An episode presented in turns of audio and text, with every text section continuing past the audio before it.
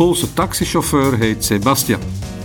Ik schat hem uit 40 en hij ziet eruit zoals een Pool eruit zou zien als ik hem zou moeten tekenen. Een rond gezicht, kaal en weelderig van tatoeages voorzien. Sebastian spreekt Engels en Duits. En Pools, veronderstel ik, maar ik ben bijzonder slecht geplaatst om daarover een deskundige mening te uiten, vermits mijn kennis van het Pools zich beperkt tot het woord tak. Dat betekent ja, geloof ik, maar ook daarin kan ik me vergissen. Ik herinner me dat ik meer dan twintig jaar geleden een keertje op uitnodiging van de dienst van toerisme in een Pools skistation zat. Er was geen sneeuw, dus van skiën kwam er niks in huis. Naar de bar dan maar, waar ik in een conversatie verzeild geraakte met een lokale jonge man. In het Pools. De man vertelde zijn leven aan me in zijn moedertaal en ik antwoordde daarop vriendelijk knikkend met tak, tak, tak, wat de man op een vreemde manier deed denken dat ik hem daadwerkelijk verstond. Hij dwaalde. Maar terug naar mijn taxichauffeur, Sebastian. Hij vertelt me dat hij Duits spreekt, omdat hij jarenlang in Duitsland als autohandelaar heeft gewerkt. Maar sinds Merkel waren er veel te veel regeltjes bijgekomen, vindt hij.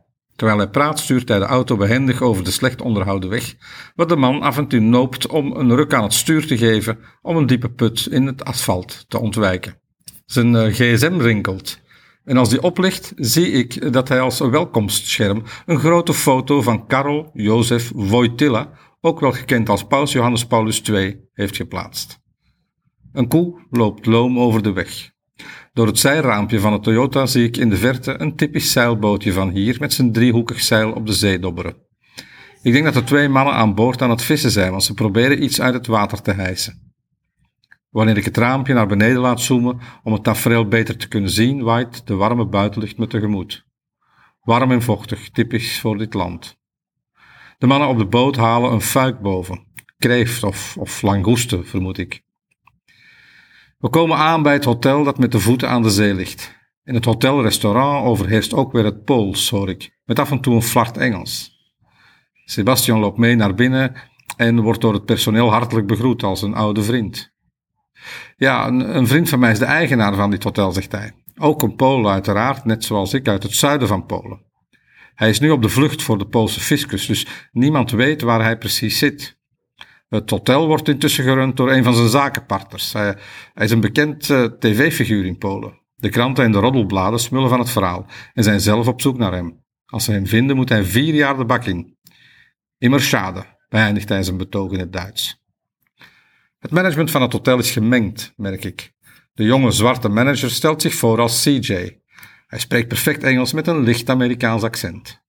Het hoofd van de receptie is dan weer een Poolse jonge vrouw, terwijl alle mensen in de bediening Afrikanen zijn.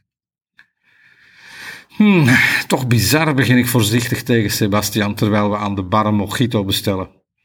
Ik ben zijn laatste klant, dus uh, hij is aan zijn eerste drankje van de dag toe. Toch bizar dat hier zoveel Polen zijn, eh, herhaal ik. En, en, en Russen en Roemenen voegt hij eraan toe. Ze investeren allemaal in het toerisme hier. Dat is goed voor de lokale bevolking. Ik knik, maar zonder veel overtuiging. Het blijft toch bizar, zo'n Poolse taxichauffeur en een hotel vol met Poolse gasten, met een Pools management. Zo aan de Indische Oceaan in Zanzibar. Ook al zijn het dan Zuid-Polen.